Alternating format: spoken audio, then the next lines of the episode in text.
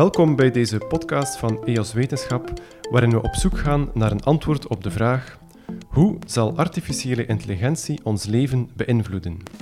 Ik ben Kim Verhagen, ik ben redacteur bij EOS Wetenschap en ik stel de vraag aan computerwetenschapper Steven Latree van de Universiteit Antwerpen en onderzoekscentrum IMEC. Dag Steven. Goeiedag. Je stelde voor om meteen te beginnen met een geluidsfragment, een demonstratie van een uh, kunstmatige intelligentie, van een systeem, eh, van hoe het zou kunnen binnensluipen in ons dagelijkse leven. Kan je dat fragment even inleiden? Ja, klopt. Uh, we gaan luisteren naar Google Duplex. Google Duplex is een beetje de, de nieuwe generatie van onze spraakassistenten, zoals Siri, zoals de Google Assistant zelf. en Google Duplex is een systeem dat recent in Amerika gelanceerd is, waar je kan vragen aan Google om in je eigen naam een afspraak te gaan maken bij de kapper of bij het restaurant. Het leuke eraan is, is dat dat systeem ja, echt lijkt alsof het een mens uh, is, inclusief de typische stopwoordjes. En dat vind ik het leuke eraan. Ja. Oké, okay, we zullen eens uh, luisteren. Hi, I'm calling to book a woman's haircut for a client. Um, I'm looking for something on May 3rd. Sure, give me one second. Mm-hmm. Sure. What time are you looking for around? At 12 p.m. We do not have a 12 p.m. available. The closest we have to that is a 1.15. Do you have anything between 10 a.m. and uh, 12 p.m.? Depending on what service she would like. What service is she looking for? Just a woman's haircut for now. Okay, we have a 10 o'clock. 10 a.m. is fine. Okay, what's her first name? The first name is Lisa. Okay, perfect. So I will see Lisa at 10 o'clock on May 3rd. Okay, great. Thanks. Great. Have a great day. Bye. Ja, indrukwekkend. Uh, Absoluut. Ik vraag me meteen af, is het gesprek in scène gezet of is de kapster van niets? De kapster wist echt effectief van niets. Ah, ja. ja. en dat heeft een, uh, een ganse ja, toch bus gecreëerd in uh, de Verenigde Staten ook ja, dat er toch een, een nood is om, um, als zo'n computer belt naar een menselijk persoon, dat hij zich toch echt moet op voorhand ook aankondigen als zijnde een, um, een computer. Er is daar wetgeving die daar uh, rond aan het, uh, aan het gebeuren uh, is. Ja, er waren nog demonstraties ook van een, bij het boeken van een restaurant en zo. Is dat systeem al beschikbaar voor ons dan? Nog niet voor ons Belgen, maar het is wel zo dat uh, Google Duplex gelanceerd is ongeveer een jaar terug in de Verenigde Staten. En in de meeste staten is het ondertussen beschikbaar. Um, en ook in Nieuw-Zeeland is het uh, recent uh, gelanceerd. Dus ja, absoluut. Je kan de dag van vandaag een, een kapster of een restaurant gaan boeken in de VS toch. Hoe leid je zo'n computer op? Hoe train je een computer om gewoon naar een kapster te bellen, een afspraak te maken, eh, zelf de stopwoordjes te gebruiken die wij ook gebruiken? Ja, ja zo'n Google Duplex systeem is wat mij betreft een zeer mooi voorbeeld van, um, van artificiële intelligentie. Vooral ook omdat het heel veel verschillende componenten van artificiële intelligentie samenbrengt. Maar de kern van de zaak is wat we noemen een artificieel neuraal netwerk. Dat is een systeem die um, leert door middel van data. Uh, dus typisch als we computerprogramma's maakten in het, in het verleden, ja, dan gingen we daar heel veel if-then-else regels gaan inplaatsen. We als we dit zouden krijgen, dan gaan we dat gaan doen, enzovoort en zo verder. En dan moest je als programmeur alles zelf gaan, gaan definiëren wat de verschillende toepassingen zijn. Maar beeld je maar in in zo'n gesprek, er zijn duizenden manieren hoe je op zo'n gesprek kan gaan reageren. Dat is bijna een onbegonnen zaak om dat als, als programmeur te gaan doen. In zo'n artificieel intelligent netwerk gaan we niet die regels op voorhand gaan plaatsen, maar we gaan eerder gaan zeggen, kijk, we gaan daar heel veel data aan geven, voorbeelddata van input en output. Dus een voorbeeld van hoe zo'n gesprek zou moeten zijn en hoe we eigenlijk op zo'n gesprek zouden moeten reageren. En dat gebeurt heel vaak met een artificieel neuraal netwerk. Is een systeem dat uh, al uh, decennia geleden is uitgewerkt uh, en een beetje lijkt op hoe we toen dachten dat het menselijk brein uh, werkte. Dus dat zijn neuronen en, en, en, connecties tussen die neuronen die, ge, die gelegd worden. En het enige wat we moeten geven aan dat systeem is data. Input, output data. En automatisch gaat dat systeem die input naar output gaan, gaan mappen. En die basisentiteit kun je dan eigenlijk gaan gebruiken in heel veel verschillende uh, toepassingen. Dus het Google Duplex systeem bijvoorbeeld gaat dat gaan gebruiken om automatisch tekstherkenning te gaan doen. Dus als iemand iets spreekt, ja, dus het geluid wordt gemapt op wat zijn die woorden die, precies, uh, die we kunnen gaan herkennen. Maar het zal bijvoorbeeld ook het omgekeerde gaan doen. Het gaat zeggen, ja, ik wil als, daar een bepaald antwoord op gaan geven. Die, dat antwoord zal ook weer een mapping zijn van hoe moeten we op die vraag antwoorden. eens we weten hoe we daar moeten op antwoorden, gaan we dat gaan gebruiken om sprake ook te gaan genereren. Dus om effectief die stopwoordjes er ook, uh, ook in te krijgen. En die stopwoordjes komen er dus heel mooi in, omdat er dus ook in de originele tekst of de originele data dat we aan dat systeem gegeven hebben, zeker ook stopwoordjes zullen zitten, net zoals wij als mensen ook die stopwoordjes gaan, eh, gaan gebruiken. Ja. Moet je als ontwikkelaar dan heel veel gesprekjes tussen mensen die naar de kapper bellen gaan analyseren, of doet de computer dat zelfstandig? Je geeft hem gesprekken en hij gaat ermee aan de slag. Ja, dat is het leuke eraan in de, de dag van vandaag. Dus 10, 20 jaar geleden moesten we heel vaak wat we noemen features, dus kenmerken uit gesprekken gaan, gaan halen en die gesprekken geven aan zo'n neuraal netwerk, of die kenmerken gaan geven aan een neuraal netwerk, en daarmee dan gaan, gaan uitwerken. De dag van vandaag, in de laatste tien jaar, is dat minder en minder nodig, soms nog altijd wel, maar minder en minder, uh, dankzij een techniek die we deep learning noemen. En daar gaan we gewoon de ruwe data aangeven, dus inderdaad gewoon de audio van het gesprek zelf, zonder dat we die kenmerken er gaan, gaan uithalen. En wat we gemerkt hebben in de laatste tien jaar, is dat we er eigenlijk veel betere systemen kunnen gaan bouwen, doordat het netwerk of het systeem automatisch die kenmerken gaat daar gaan uithalen. Maar de, kern, of de, de omgekeerde zijde van de medaille is wel dat we veel meer data moeten, moeten aangeven. En dat was 10, 20 jaar geleden eigenlijk niet mogelijk om te doen, omdat ja, we hadden minder data en onze computers waren niet snel genoeg. Ja, nu, de dag van vandaag, is er veel meer data en de computers gaan veel sneller en kunnen we echt veel betere doorbraken uh, genereren. Dat is ook de reden waarom het artificiële intelligentie de dag van vandaag ja, toch wel meer aan het, uh, aan het boomen is terug. Zou zo'n computer ook zelf een antwoord kunnen vinden op situaties waarvoor hij niet getraind is? Ik, denk maar aan iets, uh, de kapster zegt, uh, we zijn wegens familiale omstandigheden gesloten vandaag. Zou de computer daarop kunnen reageren? Dat is een goede vraag. Wat je ziet in die systemen van Google Duplex is... ja, Google gaat uiteraard de, de, de, de perfecte voorbeelden gaan tonen, maar ze hebben ook een aantal voorbeelden getoond waarbij ja, het, uh, het systeem um, of het gesprek toch niet volledig gaat zoals het origineel gepland was. Er is een heel mooi voorbeeld van hoe, het, uh, hoe ze bellen naar een Chinees restaurant. En door miscommunicatie, problemen in de taal, de persoon aan de, dus de mens eigenlijk uh, de computer niet goed begrijpt. En toch slaagt de computer in om daar toch zich goed uit, de, uit, uit het plan te trekken. Maar echt compleet nieuwe situaties, iets waar wij als mens ja, toch wel veel beter in zijn. Ja, dat is toch wel moeilijk hoor. Dat merk je heel sterk. Die data moet er echt wel zijn. Dus die input-output mapping waar ik, waar daar juist over sprak, uh, die data die eigenlijk daarvoor gaat zien, heb je echt wel nodig. We zien dat zo'n systeem kan generaliseren. Dus het kan wel ja, zijsprongen gaan maken en bepaalde zijanalyses gaan maken. Maar als we echt spreken over iets compleet anders, ja, dan gaat dat echt volledig falen. Absoluut. Ja. Eh, afspraak maken bij de kapper is ook nog een vrij eenvoudige opdracht. Zou ik dit systeem ook kunnen laten bellen naar een bankier of een dokter over moeilijkere onderwerpen of, of over persoonlijkere onderwerpen? Ja, absoluut. Ja, op dit moment is het inderdaad het is zeer beperkt wat Google Duplex kan. Dus je kan bellen naar een kapper, je kan bellen naar een restaurant.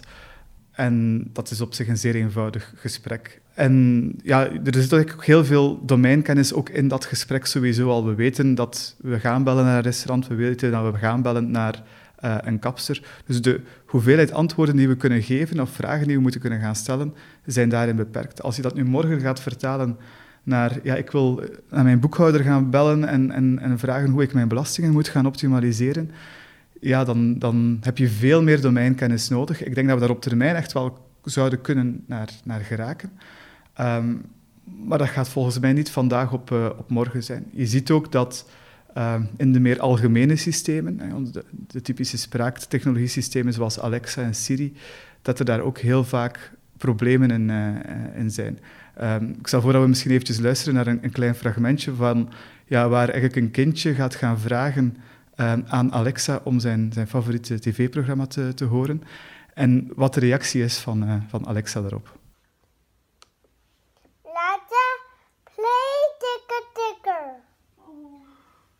Bobby, can you talk to play wheels? You want to hear a station for porn detected. Porno ringtone. Hot chick amateur girl calling no, sexy. No, no, no, no. No. no. Pussy anal dildo ringtone. Alexa, stop! Ja, dat wil je waarschijnlijk niet als ouder. Dat wil je zeker niet als ouder. En ik merk ook aan mijn kinderen... Um, ze spelen zelf ook heel graag met Alexa en, uh, en, en, Siri. En daar zit wel een beetje het probleem met die systemen. In die zin, um, ja, ze gaan heel goede input-output mapping gaan doen, maar een keer dat de input een beetje vervormd is, omdat het kind bijvoorbeeld nog niet goed uh, kan spreken, uh, in mijn geval moeten mijn kinderen ook Engels daartegen spreken, ja, dan wordt het vaak moeilijk. En die systemen denken op zich eigenlijk niet. Die gaan gewoon de juiste input-output mapping gaan doen. Die denken plotseling, ah, ik hoor dit, ik ga dit als output geven.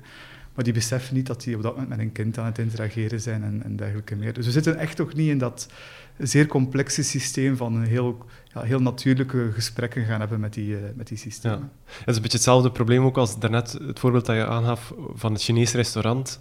Als wij de systemen in het Engels zullen moeten gaan aansturen, zullen er ook accenten zijn uh, dialecten. Dus zal het systeem het misschien overal wel moeilijk hebben? Op, absoluut, ja, ja, dat zijn inderdaad dat zijn problemen die we ook vaak gaan, uh, gaan meemaken. Uh, absoluut. Ja.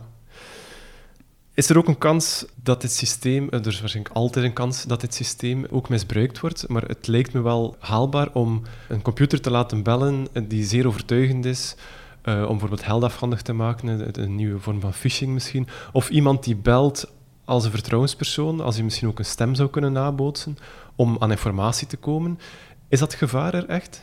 Ja, ik denk dat dat, zeker, dat, dat gevaar er zeker is. Um, en het moet niet per se een stem zijn. Hè. Er zijn ook heel veel chatbots de dag van vandaag die we overal val zien.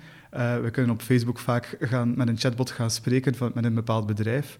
Wel, op dit moment is het al zo dat, die, uh, uh, dat er verschillende organisaties of hackers zijn die dergelijke phishingbots gaan, uh, gaan gebruiken om gewoon ja, mensen geld afhandig te maken uh, en zich te doen alsof ze een natuurlijke persoon zijn. Dat zijn uiteindelijk heel vaak gescripte manieren hoe zij ook gaan reageren op een bepaalde e-mail. Ja, met zo'n phishing chatbot kun je daar al heel ver in gaan. De volgende stap zal inderdaad zijn dat we kunnen telefoongesprekken doen ook. En dat is zeker, denk ik, iets waar we, ik zal niet zeggen bezorgd moeten over zijn, maar toch wel toch zeker voldoende ja, weten dat die technologie bestaat en daar toch goed, goed altijd zeer, uh, zeer ja, wantrouwig over, over zijn als we dergelijke gesprekken krijgen. Wat voor mij een beetje een, een uitdaging is, is uh, ja, de technologie is zo ik ben er zo fantastisch enthousiast over. Maar tegelijkertijd ja, kun je ook heel veel negatieve dingen ermee doen. Hè. Dat is bij, met heel veel technologie en zo. Maar het, is, het wordt makkelijker en makkelijker om die technologie, zonder dat je er iets van kent, ook gewoon te gaan toepassen. Je hoeft echt geen uh, rocket scientist meer te zijn om, om te zeggen van ja, ik ga, die ik ga iets gaan downloaden van het internet. Er staat heel veel online, open source gewoon beschikbaar. Een paar keer klikken op een knopje en je hebt iets wat je, wat je nodig hebt. Zeker als we spreken over Engelse taal is dat uh, zeer eenvoudig. Dus ja, dat gaat zeker een uitdaging zijn in de toekomst, uh, zowel naar chatbots, meer gesprekken, naar andere soorten uh, fake, fake news ook. We gaan straks nog wat dieper in ook op die, die eventuele negatieve kanten van artificiële intelligentie. Ik wil eerst nog wat veelbelovende toepassingen ook hebben, zoals u werkt rond de slimme stad. Wat kan ik me daarbij voorstellen? Ja, de slimme stad dat begint met heel veel sensoren, heel veel weten over de, uh, wat er eigenlijk precies in de stad aan het gebeuren is. En dan kan je artificiële intelligentie gaan toepassen om ja, nieuwe toepassingen te gaan definiëren die het voor de gebruiker makkelijker kan gaan maken. En dat kan in alle richtingen uh, uh, gaan. Eén iets wat wij bijvoorbeeld doen is slimme verkeerslichten. dus een typisch verkeerslicht ja, die gaat eigenlijk gaan, gaan weten wat er zich in de zeer nabije omgeving van dat verkeerslicht aan het gebeuren is. Eh, een tellus die eh, in, de, in het asfalt zit en weten, ja, er staat hier een wagen, ja of, of nee. Met onze sensoren gaan wij gaan kijken wat bevindt er zich eigenlijk op een, een paar honderden meters van dat, uh, van dat verkeerslicht. En niet alleen hoeveel verkeer is er, maar ook wat voor soort verkeer is er. Is er een voetganger aan het komen? Is er een, een fietser aan het komen? Is die snel of traag aan het rijden? En zo kunnen we een heel mooie inschatting gaan maken van wat het, de, de, impact zal zijn, of wat de situatie zal zijn van het verkeerslicht binnen hier en 30 seconden. Dan laat ons toe om dat verkeerslicht te gaan, gaan, uit, gaan beter aan te sturen. En dat kan je dan verder gaan, gaan uitrollen. Je kunt dan gaan zeggen, ja, we gaan bijvoorbeeld gaan, gaan, gaan evalueren hoe gebruikers zich doorheen de stad uh, aan, het, uh, aan het bewegen zijn. Opnieuw alle soorten verkeer, vrachtwagens, fietsers enzovoort. Om eigenlijk op een veel grotere schaal die stad te gaan, gaan aansturen. En het leuke eraan voor mij is dat in zo'n slimme stad er heel veel verschillende domeinen belangrijk worden. Mobiliteit is daar uiteraard een, een, eerste van, maar dat heeft een impact op wat je kan doen naar bijvoorbeeld winkels en eventueel uh, daar dingen gaan aansturen, maar evengoed naar luchtkwaliteit. Dus we meten bijvoorbeeld ook al, uh, al heel lang uh, de luchtkwaliteit in, in Antwerpen, om dan ook heel vaak de link te kunnen gaan, gaan maken, ja, hoe heeft luchtkwaliteit een impact op mobiliteit en, en, en vice versa. En fundamenteel gebruik je daar heel vaak artificiële intelligentie om te, te gaan weten wat er zich in de stad aan het gebeuren is en ook om te gaan voorspellen wat de toekomstige situatie zal zijn in die, in die stad. Ja is eigenlijk een soort van meesterbrein dat volgt wat er gebeurt in de stad en dan op basis daarvan beslissingen neemt om het aangenamer te maken voor de, de gebruikers van die stad of de inwoners van ja, de stad. dus de, het hoofddoel moet altijd zijn, wat mij betreft, voor een slimme stad toch, het moet het leven en de kwaliteit van een gebruiker aangenamer maken. Het moet niet slim zijn om er gewoon maar technologie in te, in te pushen. Um, en een meesterbrein Ooit gaan we daar misschien op komen. Op dit moment zijn we natuurlijk wel echt aan het focussen op heel kleine toepassingen die het, uh, die het makkelijker uh, maken. Ik denk niet dat het de bedoeling moet zijn dat we één grote Big Brother gaan creëren in zo'n slimme stad die echt alles gaat, uh, gaat zien. Dus dat is ook iets waar we wel op focussen. Uiteraard zijn er zeer veel toepassingen ook naar betere surveillance van, van zaken om eventueel criminele zaken te gaan, gaan detecteren. Maar dat moet ook altijd gebeuren met ja, voldoende inspraak uh, van, van de, de burger zelf en voldoende privacygaranties uiteraard uh, ja. ook. Wat is het, het, het, einddoel of het streefdoel? Eh, wat is in uw ogen de slimste stad ter wereld? Dat is een goede vraag. Voor mij moet dat een, een, een, een stad zijn waarvan ja, technologie uh, uiteraard wel een deel zal van, van uitmaken, maar waar vooral gewoon die levenskwaliteit in alle opzichten zo, zo hoog mogelijk kan gemaakt worden. Ik zeg altijd als voorbeeld, ik zou graag een, een stad hebben zonder verkeerslichten. Um, we zitten daar nog veel, zeer ver af, maar waar eigenlijk het zo natuurlijk is om gewoon door die stad te gaan, gaan wandelen, dat we niets nodig hebben om ons constant tegen te houden.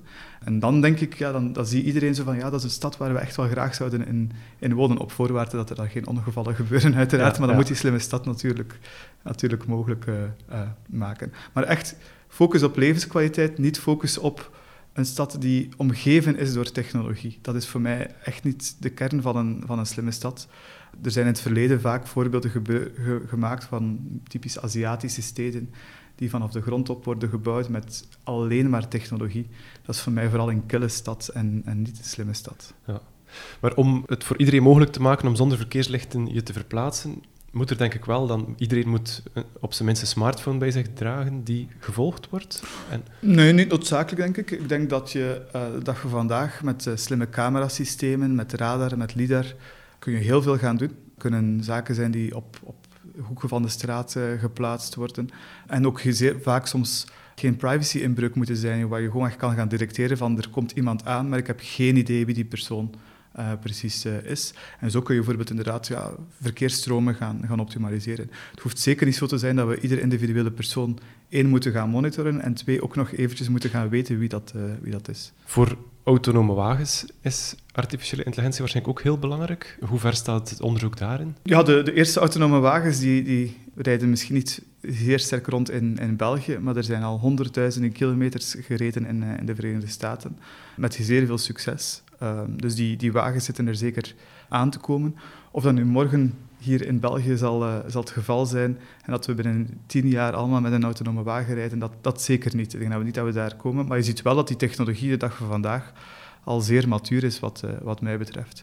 Een van de grootste uitdagingen voor autonome wagens is nog de hoeveelheid rekenkracht dat die wel nodig hebben om dat te gaan doen. De hoeveelheid computers die daar in zo'n autonome wagen zit, ja, dat drijft die kostprijs wel gigantisch om, uh, omhoog. Artificiële intelligentie vindt ook steeds meer toepassingen in de medische wereld. Er zijn systemen die bijvoorbeeld kanker uh, beter opsporen dan uh, radiologen kunnen op een, op een scan, of die waarschuwen voor een dreigend nierfalen. Hoe leid je zo'n systeem op tot een dokter?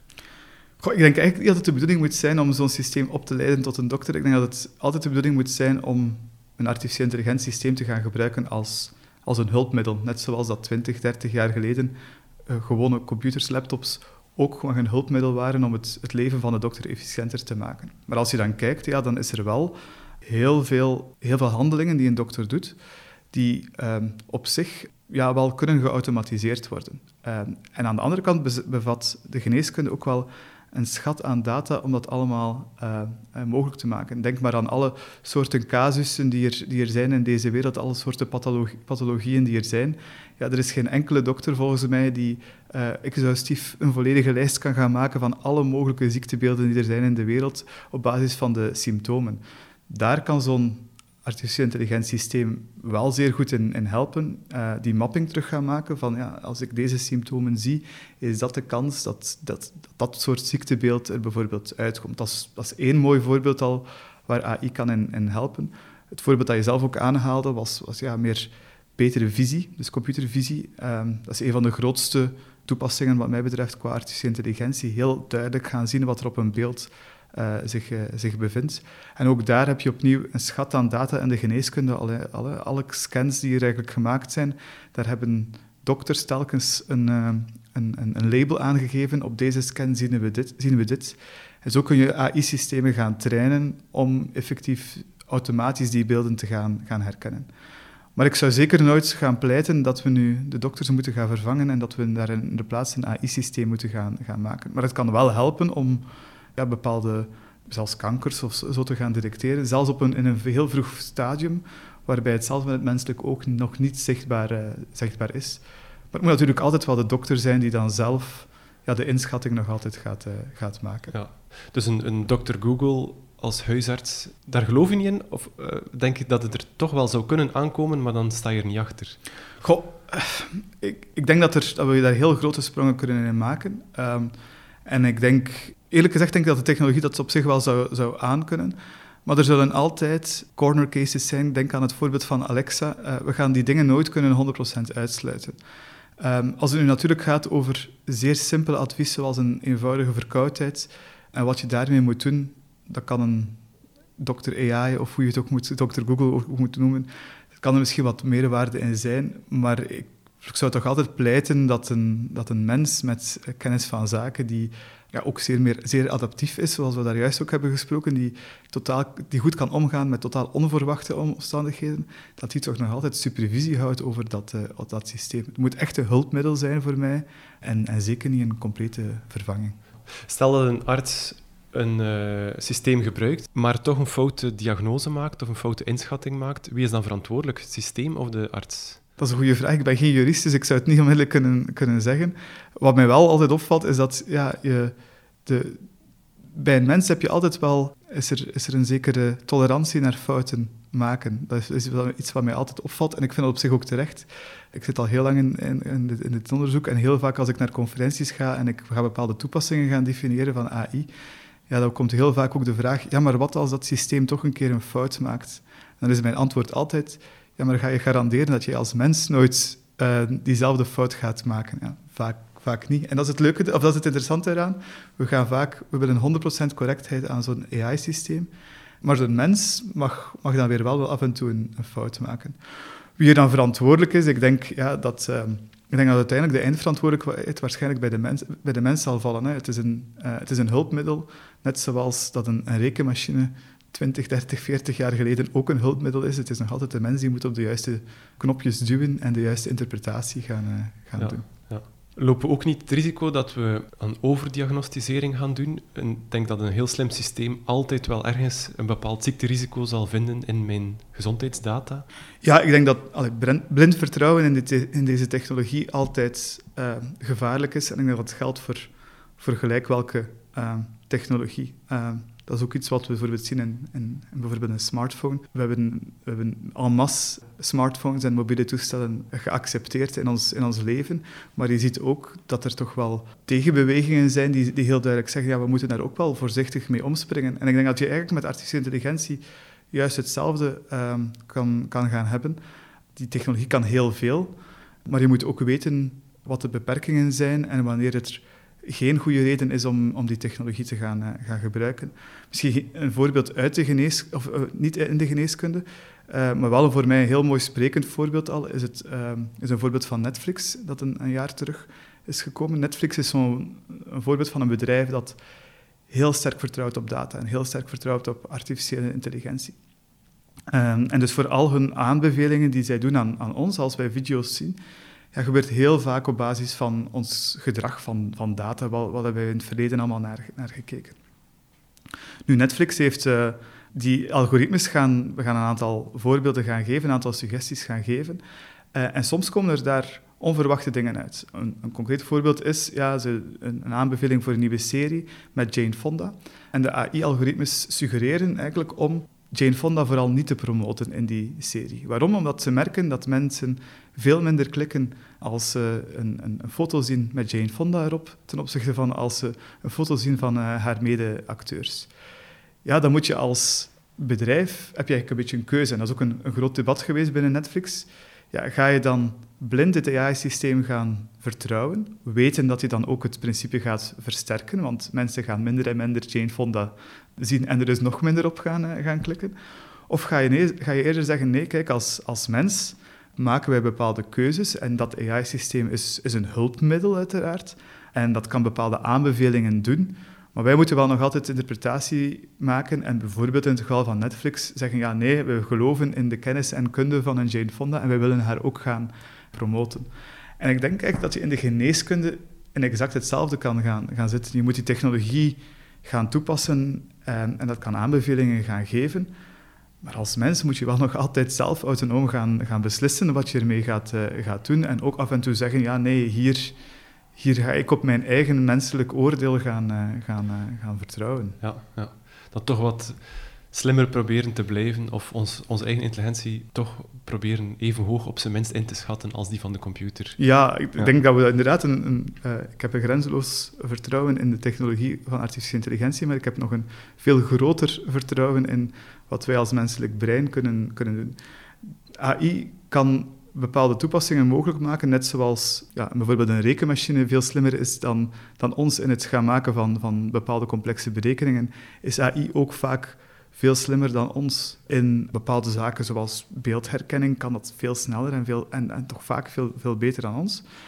Maar er zijn nog zoveel andere zaken aan het menselijke brein, empathie, uh, aanpassingen aan, aan nieuwe situaties, ja, waar wij wel miljarden keer superieur zijn uh, in, uh, in het geheel. En dan moeten daar wel nog altijd vertrouwen in hebben dat dat zo zal blijven. Ja. ja, hoe zit het eigenlijk met de emotionele capaciteiten van artificiële intelligentie? Zouden we vriend kunnen worden met een computersysteem? Of nog verder, zouden we therapie kunnen volgen bij een computersysteem? Ja, dan komen we in het, in domein van artificial general intelligence, dus algemene intelligentie. Voor mij is dat nog een hele stap verder. En, en ik weet niet of er daar ooit een pad is om echt naar dergelijke systemen te komen op dit manier. Ik, ik, zie dit pad op dit moment niet. Uh, waarom? Omdat ondanks de, de ongelooflijke goede innovaties de, de laatste jaren, blijven dat voor mij in, in essentie die systemen goede input-output mappers. Dus ik, wat ik daarmee bedoel is, het krijgt een beeld en het gaat, of een, een input, tekst, beeld, kan van alles zijn, en het gaat een bepaalde output gaan, uh, gaan doen. Dat staat voor mij mijlenver af van bewustzijn, van tonen van empathie, van wat ons eigenlijk als mens fundamenteel gaat, uh, gaat definiëren.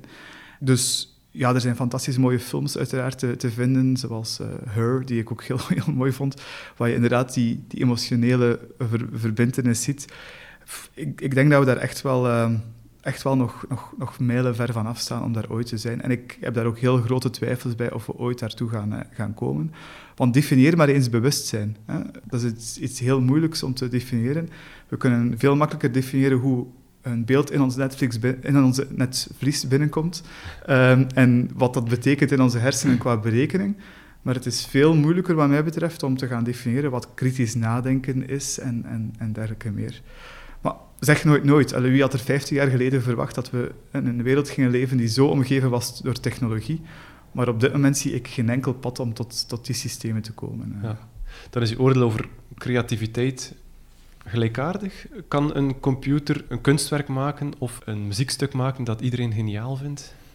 Ja, dat, dat, dat wel, denk ik. Daar ben ik ah, redelijk zeker van. Ik denk dat uh, creativiteit vaak ook een vorm is van patronen die sowieso al in andere data zit, uh, gaan, gaan hergebruiken. Dus er is de laatste tijd heel veel te doen in artificiële intelligentie rond uh, um, Generative Adversarial Networks, GANS. Dat is een technologie die eigenlijk maar een vijftal jaar oud is, maar die ervoor zorgt dat, we, dat AI zelf dingen kan gaan genereren. Deepfakes zijn daar het, het meest tot de verbeelding sprekende voorbeeld van. Hoe die systemen werken is eigenlijk door patronen te gaan detecteren in historische data en op basis van die historische data nieuwe data gaan genereren. Dus deepfakes gaan dat doen door bijvoorbeeld heel veel uh, voorbeelden van, uh, van bekende gezichten te gaan nemen en op basis daarvan beelden te gaan maken van mensen die niet bestaan, maar die evengoed bekend zouden kunnen eruit zien, omdat ze be bepaalde patronen ook hebben in de, in de data. En ik denk bijvoorbeeld, en er zijn ook al een aantal voorbeelden van gevonden, of van te vinden, dat, ja, dat het perfect mogelijk is om een, de volgende pophit te gaan maken, die op nummer 1 staat voor weken lang.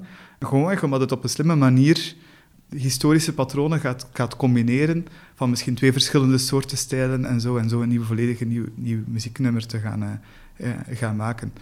Je kan natuurlijk vragen, is dat dan de grootste creativiteit ter, ter wereld? Ja, waar, waar stopt creativiteit en waar eindigt het, het, het gewoon, of waar, waar is het gewoon snel gaan, uh, en intelligent gaan hergebruiken van, van vorige dingen? Ik denk dat dat een, een, een zeer dunne grens is natuurlijk. Ja, ja. Over die deepfakes, je haalde die net aan, die komen altijd heel negatief uh, in de media. Zijn er eigenlijk ook voordelen aan deepfakes? Ja, ik denk wel, zeker alles wat te maken heeft met de entertainmentsector, daar zie je echt wel ook heel veel, heel veel mooie voorbeelden van hoe die dingen kunnen gaan, eh, echt kunnen goed gaan, gaan toegepast worden. Zoals ik daar juist al aanhaalde, misschien gewoon ja, uh, muziek gaan genereren. Ja, dat kan wel eventueel ook gewoon inspiratie gaan, gaan brengen. Kan misschien voor een, een, een DJ of zo uh, bepaalde mogelijkheden brengen om uh, op een betere manier muziek te gaan combineren en misschien op basis daarvan verder te gaan werken, maar ook in uh, ja, de videosector, waar bepaalde special effects kunnen gemaakt worden die veel eenvoudiger te maken zijn met, met deepfakes dan dat ze te maken zijn met, met bestaande systemen. Of bijvoorbeeld ja, ontwerpen maken en architectuur zijn bijvoorbeeld de zaken, denk ik, die echt wel uh, mogelijk zouden kunnen zijn met een, met een deepfake uh, ook. Opnieuw, net zoals bij de geneeskunde, gesuperviseerd door mensen, denk ik, want er gaan er heel vaak gedrochten uitkomen van, van systemen. Maar ja, het kan wel altijd leuk zijn om die te zien wat voor creatieve zaken er uh, zo'n AI-systeem, wat het daarvoor uitkomt, en daar dan misschien op basis gaan, gaan verder gaan, gaan borduren. Fake news is ook nog zoiets dat vaak de media haalt als een uh, beetje een bedreigende toepassing van artificiële intelligentie. Zo'n systemen kunnen fake news gaan maken en ze sturen naar de juiste personen, maar ze kunnen ook ingezet worden in de strijd tegen fake ja. news, vermoed ik. Naar waar slaat de balans door, denk je? Ja, ik denk dat het een beetje een kat-en-muisspel gaat, gaat blijven. En dat is um, voor mij persoonlijk iets waar ik het bijna nog het meest bezorgd over, uh, over ben. Ik krijg altijd de vraag inderdaad, gaan we AI-systemen gaan maken die, uh, waarbij we gaan slimmer zijn dan de, dan de mens? Uh, dat is voor mij echt zeer lange termijn toekomstvisie, maar die uh, deepfakes, die fake news, alles wat gegenereerd wordt en, en, en fake is en, bepaald, en echt gaat gaan personaliseren naar een bepaalde gebruiker, dat is vandaag. Die technologie is er vandaag beschikbaar en het gaat zo ongelooflijk snel dat het toch wel wat beangstigend is. Om een voorbeeld te geven, vorig jaar had je nog minuten video nodig om iemand ja, om een filmpje te gaan genereren van iemand om, die eigenlijk deed wat je, maar, wat je maar wilde. Je had echt minutenlang van die ene persoon nodig om dat filmpje te gaan genereren. Uh, nu, heel recent in december is er door NVIDIA een, een, paper uitgebracht die nog één foto nodig heeft. En dat maakt het zoveel sneller wat je kan gaan doen. En dan ga je echt, ja, je gaat een blijvende kat-en-muisspel, denk ik, hebben van die technologie die zo snel vooruit gaat en telkens komen er nieuwe toepassingen uit. En tegelijkertijd heb je inderdaad ook die detectie nodig. Um, maar het zal een beetje zijn zoals we ook hebben met security. Je kan uh, uh, een security gat in een IT-systeem gaan, gaan dichten, maar de volgende dag zal er zich ongetwijfeld weer er, ergens een ander gat uh, te vinden zijn in een ander IT-systeem. En we gaan blijven moeten proberen die, die, die voor toch zeker negatieve toepassingen gebruikt worden, onderuit te, te halen. Ja. Kunnen we dat zelf? Kan je zelf op een bepaalde manier zien als je op te televisie of op internet bepaalde beelden ziet passeren, dit moet fake zijn? Op dit moment nog wel, maar het wordt moeilijker en moeilijker, vind ja. ik persoonlijk. En er zijn ook een aantal aanbevelingen die je kunt gaan, gaan maken. Uh, er zijn bijvoorbeeld bij deepfakes op dit moment een aantal voorbeelden te vinden van ja, als, de, als bijvoorbeeld de stijl nogal, de, nogal incompatibiliteit is tussen bijvoorbeeld de handelingen in zijn handen en wat hij effectief aan het zeggen is. Hij doet af en toe bijvoorbeeld een, een rare zwaai, ja, dan, dan is dat typisch een deepfake. Uh, je ziet ook vaak in de expressiviteit van de, van de ogen. Als wij aan het, aan het praten zijn met elkaar, ja, dan gaan onze ogen ook vaak een bepaalde link leggen met wat we zeggen. Uh, die deepfakes kunnen dat de dag van vandaag minder, nog niet zo goed eigenlijk. Maar ik denk wel dat we daar altijd maar, dat het altijd moeilijker en moeilijker gaat, gaat zijn. Als ik deepfakes van twee, drie jaar geleden bekijk, ja, dan zie ik dat onmiddellijk. Als ik een deepfake van een paar maanden geleden bekijk, ja, dan is het voor mij al moeilijker om ze, om ze te vinden. En ik heb ik denk dat ik al een beetje een getraind oog heb, omdat ik er toch vaak mee in aanraking uh, kom. En dat is ook vaak het probleem. We gaan het misschien wel vaak kunnen zien. Maar als zoiets zich verspreidt op social media, mensen bekijken dat, denken niet na dat het een deepfake kan zijn. Bekijken het maar 10 seconden en onmiddellijk daarmee wordt het gedeeld. En uh, ja, het gaat soms heel snel zonder dat er echt met een kritische blik naar gekeken uh, wordt. We hebben het al gehad over uh, creativiteit en emotionele intelligentie. Hoe zit het op het gebied van ethiek? Het typische voorbeeld is de autonome wagen. De computer moet beslissen, er dreigt een ongeval, uh, red ik de inzittenden of rijd ik een voetganger aan? Hoe leid je een systeem op om daarin de juiste keuzes te maken? Ja, ja dus een AI-systeem is inherent niet ethisch. Er zit daar heel, weinig safety measures in om daar een bepaalde vorm van ethiek in te, te plaatsen. Want het, het, drijft allemaal op basis van de, van de data. Dus als je daar niet-ethische data in instopt, ga je daar ook niet-ethische handelingen uitkrijgen. Dus er, er, zijn daar mooie voorbeelden ook van in de verzekeringswereld bijvoorbeeld. Het is soms op basis van data zeer eenvoudig om uh, in premies te gaan discrimineren op basis van uh, ras, geslacht, allemaal zaken die wij als samenleving juist niet wensen te doen. En die toch in zo'n datasysteem, die toch misschien de optimale manier zouden zijn als je puur kijkt naar de, naar de data. Dus we moeten echt ervoor opnieuw ja, heel goed gaan kijken hoe we die technologie gaan, gaan toepassen. En daar bepaalde misschien constraints gaan, gaan aan toevoegen en zeggen van kijk, we gaan dit niet gaan doen omdat dit niet, uh, niet ethisch is. Ja, je kan bij het voorbeeld van zo'n zelfrijdende wagen, dat blijft een dilemma, absoluut. Als je kijkt naar hoe dat mensen gaan reageren, die gaan één, zeer instinctief reageren, en twee, die mensen, de ene groep mensen gaat misschien in, volgens hun instinct op de ene manier reageren en de andere groep gaat op een andere manier reageren. Ik denk het beste wat je kan doen is proberen om zo, zo breed mogelijk dergelijke gedragingen ook aan zo'n systeem te gaan, gaan geven. Maar dat is een zeer moeilijk ethisch dilemma waar je denk ik eh, heel moeilijk uit kan. Tot slot nog een vraag waar denk ik wel veel mensen mee zitten, of toch mensen die een beetje het, het science fiction gehalte in uh, artificiële intelligentie uh, zien. Komt er ooit een tijd dat computers slimmer worden dan ons en het eigenlijk overnemen? ik ben er zeer kritisch naartoe. Ik, ik, denk dat eerlijk gezegd niet, maar ik kan ook fout zijn. maar ik, ik, denk dat persoonlijk niet, niet onmiddellijk. Waarom? Omdat ik vooral zie dat die dingen zeer goede intelligente sensing kunnen gaan doen. Uh, dus heel goed kunnen gaan meten en weten wat er precies op dit moment aan de hand is. Maar ik zie op dit moment niet meteen een, een, een pad naar bewustzijn en naar de zoveel dingen die ons als baby zelfs al compleet, uh, compleet differentiëren van gelijk welke computer. Als ik kijk naar bijvoorbeeld hoe, hoe, snel mijn zoon bijvoorbeeld begon te fietsen, ja, die, die had twee keer nodig en die had al onmiddellijk door hoe je eigenlijk op zo'n fiets moest gaan zitten. Dat voor vandaag lukt dat met een AI-systeem niet. Je hebt veel meer data nodig. Puur als je gewoon zelfs kijkt naar rekenefficiëntie.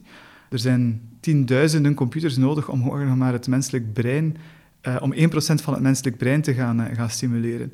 En dan spreken we nog niet over bewustzijn en, en, en dergelijke meer. Opnieuw zeg nooit nooit, maar ik zie op dit moment totaal geen pad daar naartoe waar we daar eigenlijk kunnen naar, naar komen. Anderzijds kun je natuurlijk wel zeggen, ja, die systemen zijn al veel slimmer dan ons in zeer specifieke omgevingen. Dat natuurlijk wel.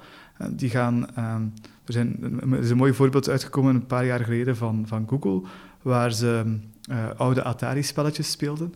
Ja, je kunt heel makkelijk een systeem gaan trainen, dag van vandaag, dat veel beter is dan gelijk welke mens in het spelen van zo'n Atari-spelletje. Je kan er nooit van, van winnen. Maar het is ook enkel nog maar dat Atari-spelletje spelen. Uh, wij als mens zijn dan weer bijvoorbeeld veel beter om met onszelfde brein een kop koffie te drinken. Een ramp voor zo'n AI-systeem. En ik denk dat we daar dat onderscheid wel moeten maken. En dat is het, voor mij wel het onderscheid tussen artificial intelligence, zeer goed worden in een welomlijnde taak. En daar kan de computer veel beter worden dan gelijk welke mens en artificial general intelligence zeer goed worden in alles wat we nodig hebben om in deze wereld te overleven. En daar zie ik eigenlijk nog niet meteen een pad naartoe. Dat is een geruststelling voor de doemdenkers en nog heel veel uitdagingen voor de, voor de onderzoekers. Ja, gelukkig voor ons inderdaad. Ja. Ik wil u bedanken voor uw zeer interessante antwoorden.